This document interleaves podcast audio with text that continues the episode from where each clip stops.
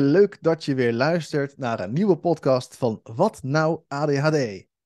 De podcast waar we eigenlijk eh, ADHD niet per se zien als, het, eh, als de bron van alle ellende, maar vooral als een hele serie symptomen of gedragingen van veel diepliggendere andere dingen. En die andere dingen kunnen zijn, kunnen van alles nog wat zijn, dat zou je in de andere podcast wel horen. Uh, het zou ook simpel een gedachte kunnen zijn die steeds terugkomt en je eigenlijk steeds belemmert in wat je eigenlijk aan het doen bent. Ehm, vergeet ons niet te volgen. Dat vinden we fijn. Zo kunnen we onze boodschap ook weer verder verspreiden. En zorgen dat de juiste mensen op de juiste plek terechtkomen als het gaat om hulp bij ADHD. En uh, vandaag ben ik alleen in deze podcast. Want ik kreeg gewoon een beetje inspiratie. Ik dacht, nou, hè, ik heb net een gesprek gehad met iemand. En toen dacht ik van, nou, hier ga ik gewoon eens wat over vertellen. Omdat ik het zelf ook leuk vind om te doen. En hopelijk ook om jou ermee te kunnen helpen. Of in ieder geval dat je er misschien wel wat aan hebt. En het gaat over motivatie. Want uh, ik krijg veel vragen over motivatie. En ik hoor heel veel verschillende dingen als het gaat over motivatie. Uh, ik hoor bijvoorbeeld mensen die uh, zeggen van ja, dan, dan, dan weet ik dat ik iets moet doen. Maar de motivatie komt maar niet. Of zelfs mensen die gaan, ja, die zichzelf afvragen van ja, ik krijg geen dopamine. Ik krijg geen dopamine, dus ik, ja, het komt niet. Dus ik kom niet op gang. Hè? Of Misschien juist wel van, ik ben wel iets aan het doen, maar ik hou het niet vol. Het lukt me maar niet om dingen vol te houden. En uh, nou ja, ik had daar net een gesprek over met een coachie. En uh, die, die vertelde me eigenlijk hetzelfde verhaal. Hè, van, uh, die moet dan iets, iets doen wat wat groter is. Die moet iets schrijven of iets maken voor iemand. En uh, dat had hij beloofd. En vervolgens ja, wordt het een hele berg. En, en, komt het er steeds niet van. Wordt uitgesteld en vastlopen. En uiteindelijk gebeurt er helemaal niks. En ik herken dat bij mezelf ook heel goed. Hè? Ehm, dat ik ook soms geen motivatie kan vinden om, om bepaalde dingen te doen. Maar de vraag is vooral van, ja, waar ligt het dan dan precies aan? Waar ligt het dat dan precies aan? Nou kan dat bij heel veel mensen ook verschillend zijn. Maar het in ieder geval de schuld geven aan de stofjes of aan het feit dat je misschien ADHD hebt, vind ik eigenlijk niet de lading dekken. Um, en ik zal je ook uitleggen wa waarom en, en, hoe, ik dat, uh, hoe dat vaak gebeurt. Ik zal je ook eens uitleggen waarom ik dit nou voor mij zo'n belangrijk ding is. Want motivatie is, is echt een mega issue en ik hoor het bij zoveel mensen. Um, Oké, dus toen ik vroeger opgroeide, toen was het voor mij best wel moeilijk om me te motiveren. Weer huiswerk maken. En het moet. Weet je, dus je gaat huiswerk maken. Het moet. Of ik ging. Uh, nou, ik moest sociaal doen. Of ik moest naar sport. Nou, dan ging ik dat doen, omdat het moet. En als kind zijnde ga je dat dan gewoon doen. Want je ouders zeggen dat het moet, dus je doet het. Um, maar een intrinsieke motivatie, dat, dat heb je als kind nog niet zo heel erg veel. Uh, maar er kwam een moment dat ik gewoon sporten gewoon stom begon te vinden. Ik vond het gewoon niet meer leuk. Dus ik ging dat niet meer doen. En ik dacht, nou ja, oké, uh, dat wil ik niet meer. En, nou, papa en mama zeiden natuurlijk, ja, natuurlijk moet je sporten. Dat is goed, goed voor je. Je moet wel iets doen. Uh, maar ja, je, je, merkt al vaak hè, dat ze zelf ook niet heel veel met sport hebben of doen. En, en er dan ook niet heel veel nadruk op leggen. Dus dan is het heel makkelijk om er zo even tussendoor onderuit te glijden. Van nou, voorlopig doe ik even helemaal niks. Ze hebben het toch niet door. Maar ja, op latere leeftijd begon het wel interessant te worden.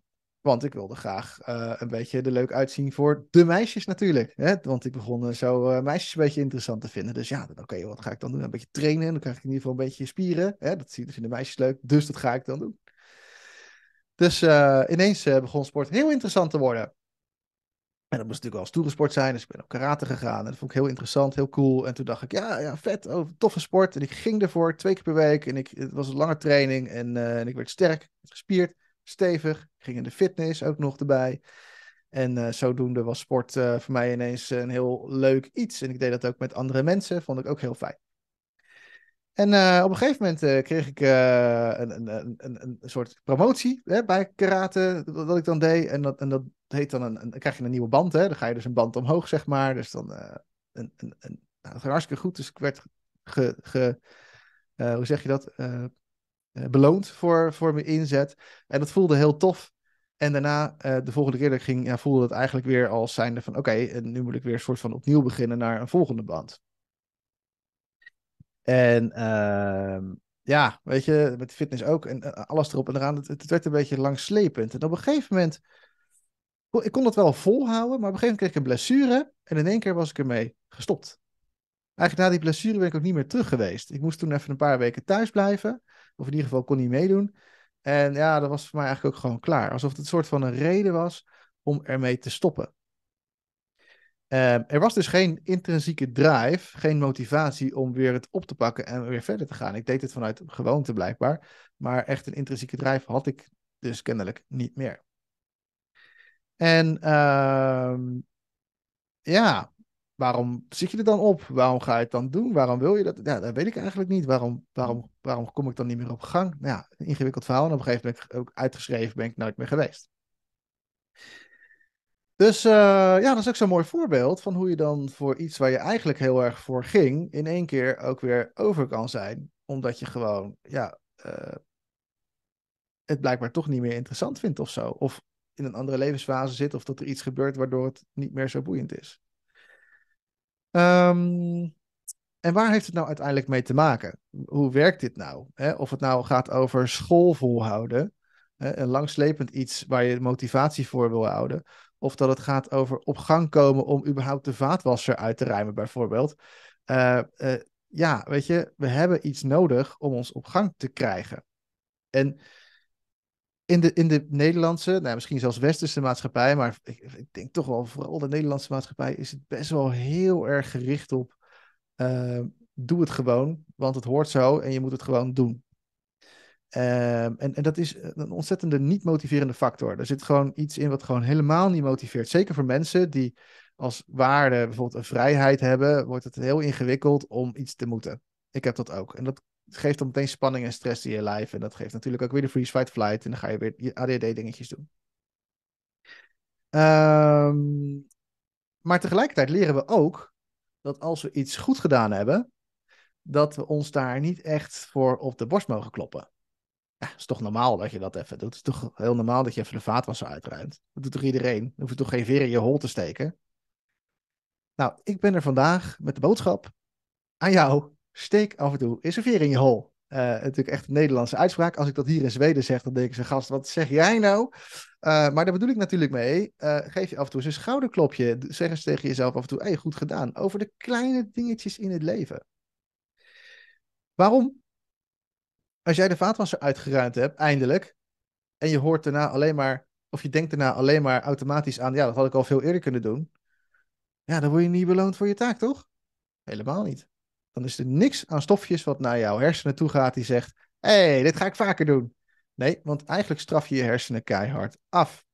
Je geeft ze namelijk geen pretstofjes, geen, uh, geen beloning omdat jij eigenlijk al meteen na het vaatwasser uitruimen zegt: Ja, nou, ik heb hem eindelijk gedaan. Ja, prima, ik had hem veel eerder moeten doen. Maar het feit dat je hem gedaan hebt, hoe lang het ook geduurd heeft, is al je win. Daar mag je jezelf eventjes voor op de borst kloppen. Een seconde, een seconde of twee, misschien zelfs drie. Het hoeft niet lang te zijn. Je hoeft niet een hele minuut lang met je ogen dicht te gaan staan mediteren over oh, hoe fantastisch je die vaatwasser uitgeruimd hebt. Nee, absoluut niet. Maar wel eventjes een momentje erbij stilstaan en er even oprecht heel kortstondig gewoon blij over mogen zijn dat je het wel gedaan hebt. Dat is waar jouw brein denkt: oh, interessant, hier krijg ik dus kennelijk iets van een beloning voor.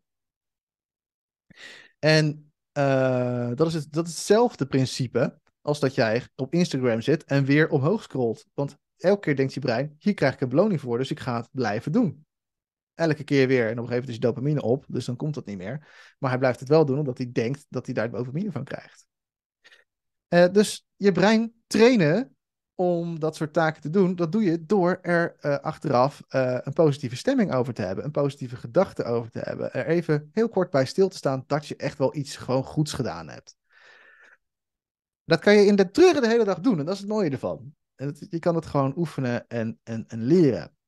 En nou ja, even terug naar mijn karateverhaal. Wat was er dus met mij aan de hand? ik was in, bij, tijdens mijn karateverhaal was ik de hele tijd bezig met werken naar de volgende stap. De hele tijd naar die volgende band, naar die beloning toewerken. Maar daar zat natuurlijk hartstikke lang tussen. Er zat maanden de tijd tussen voordat je eens een keertje genoeg getraind had en goed genoeg was om die band te mogen halen. Sterker nog, dat examen was maar één keer in een paar maanden of in het half jaar of zo. Dus dat moest je op wachten.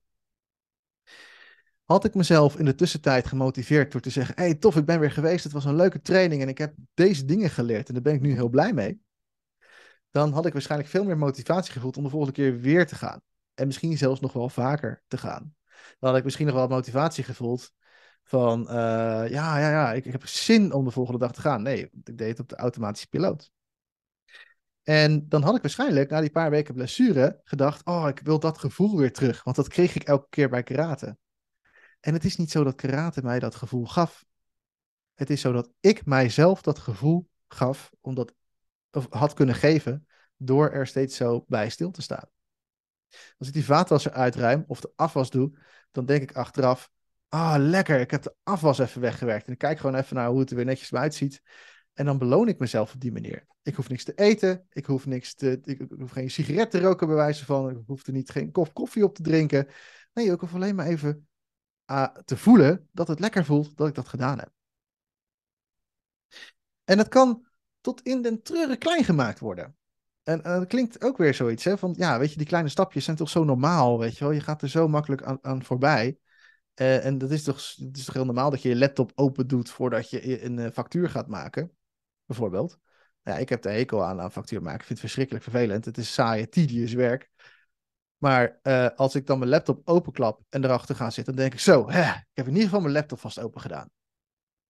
En dan denk je nu misschien, serieus gast, ga je jezelf belonen dat je je laptop open doet? Ja man, ik ga mezelf echt belonen omdat ik mijn, laptop open doe. Want ik vond het namelijk nog gewoon heel gedoe om überhaupt daarheen te komen. Dus dat alleen al hier te gaan zitten maakt het voor mij een veel kleinere taak, maakt het makkelijker. Ik zeg, ik ga alleen maar achter zitten, ik doe mijn laptop open en de rest zien we wel. En daar beloon ik mezelf voor. En wat gebeurt er op mezelf dat je jezelf beloont? Op zo'n moment, je ontspant. Want dopamine, endorfine, al die fijne stofjes, die zorgen ervoor dat je weer ah, rustig wordt en ontspant. Je zenuwstelsel wordt relaxter. En op het moment dat je zenuwstelsel relaxter wordt, ga je dus weer gewoon de dingen doen die je eigenlijk wil doen. De, weet ik veel, de dingetjes die je doet omdat het moet, omdat het nodig is, die kun je daar ook onder scharen. Maar niet omdat het moet, maar omdat je er al lekker in zit omdat je vanuit ontspanning gewoon lekker even oppakt. En dan denken we er ook anders over. Dan denk je, uh, in plaats van, oh, ik moet dat weer doen, dan denk je van, oh ja, nou dan pak ik dat ook gelijk nog even mee. Het is een heel andere manier van denken, omdat je al lekker in die flow zit. Um, ik heb het wel eens uitgelegd ooit. Ik weet niet of ik in de podcast wel eens uitgelegd heb, maar ik heb wel eens filmpjes gemaakt. En, en, en in het e-book heb ik daar ook wel over gezegd. Um, het toetjes eerst principe. Hè. Je doet eerst iets wat je fijn vindt om, uh, om je vervolgens, zodat je ontspannen bent, zodat je gewoon vanuit die staat iets gaat doen. Dus een, een flow staat. En, uh, en het toetje is dan in dit geval de beloningsstofjes die we gewend zijn om pas te mogen ontvangen, tussen aanhalingstekens mogen ontvangen, nadat we de taak af hebben. Die we ook gemakkelijk gewoon tijdens de taak kunnen krijgen door er op een positieve manier over onszelf over te denken hey, ik heb een bladzijde af. Chill, relax. Ik heb al een hele bladzijde gedaan. Nice, oké. We gaan verder. En moet je maar eens opletten als je dit gaat oefenen, hoe makkelijk je eigenlijk ook weer in dat negatieve stapt. Hoe makkelijk het is om ook weer te zeggen, ja, maar ik moet nog de rest. of uh, ja, het is pas één bladzijde van allemaal. Of uh, ja, nou, ik ben blij dat ik het eindelijk een keer gedaan heb. Jeetje zeg, wat duurde het allemaal lang? dan ben je alweer veel te ver in dat negatieve aan het dwellen. En het is oké dat dat in het begin gebeurt, want het, het is onze gewoonte.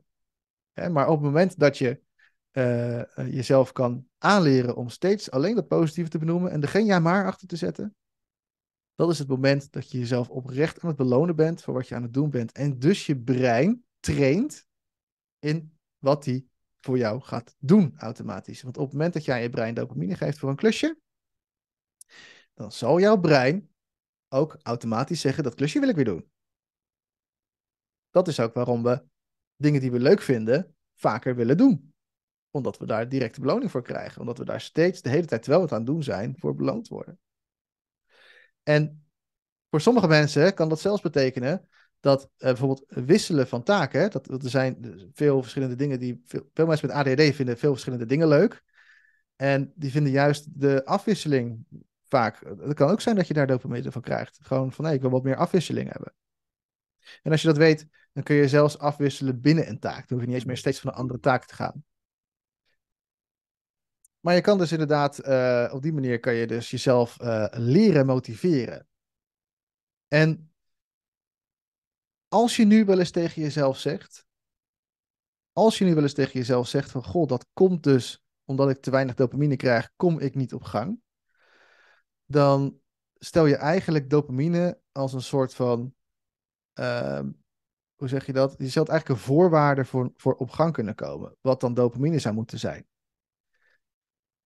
Maar dat is niet zo. Het, het is jijzelf die je gedachten uh, steeds in een negatieve spiraal trekt, waardoor er geen dopamine ontstaat tijdens de taak. Je kan dit optrainen uh, door hele kleine dingetjes, uh, door daar gewoon eventjes een blij gevoel bij op te wekken. Uh, ik klap mijn laptop open inderdaad bij die facturatie. Prima. Oké, yay, ik heb hem wel opengetrokken. Fijn. Uh, who cares? Kleine dingetjes. En de vraag die je daarbij zou kunnen helpen, die je jezelf de hele tijd kan, uh, kan uh, herhalen, eigenlijk de hele dag door. Daar kun je een van maken om dat de hele dag door te vragen. Is uh, wat kan ik nu doen? Wat kan ik nu doen? die vraag die omvat namelijk eigenlijk alles wat noodzakelijk is om, ja, hoe zeg je dat? Om, om meteen de kleinste taak te gaan doen. Want het kan alleen maar nu. Op dit moment. Dus wat kan ik nu doen? Wat kan ik nu doen? Niet een ander, jij. Wat kan ik nu doen? Wat kan ik nu doen? Wat kan ik nu doen? Ja, doen. Dus niet erover nadenken. Wat kan je dan doen? En dat zijn vaak kleine dingetjes. Als het even de relatie niet lekker loopt, ja, wat kan je dan nu doen?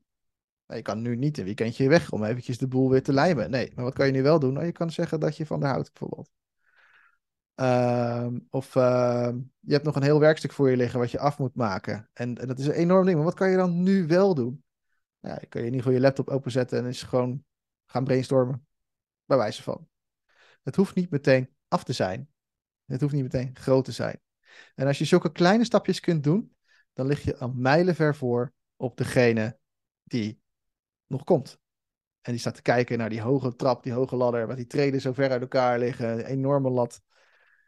Moet ik dat allemaal nog doen? Ja, dan heb je al een paar kleine taakjes gedaan. Waar je al motivatie voor hebt gevoeld, omdat je jezelf beloond hebt. En blijf je lekker doorlopen. Het mag ook makkelijk zijn. Kies dingetjes uit die makkelijk gaan. En beloon je daarvoor. Ja, en toen ik zo die sessie aan het doen was met die coachie, toen zei hij ook letterlijk tegen mij: Ja, maar ga ik me nou serieus voor al deze simpele dingen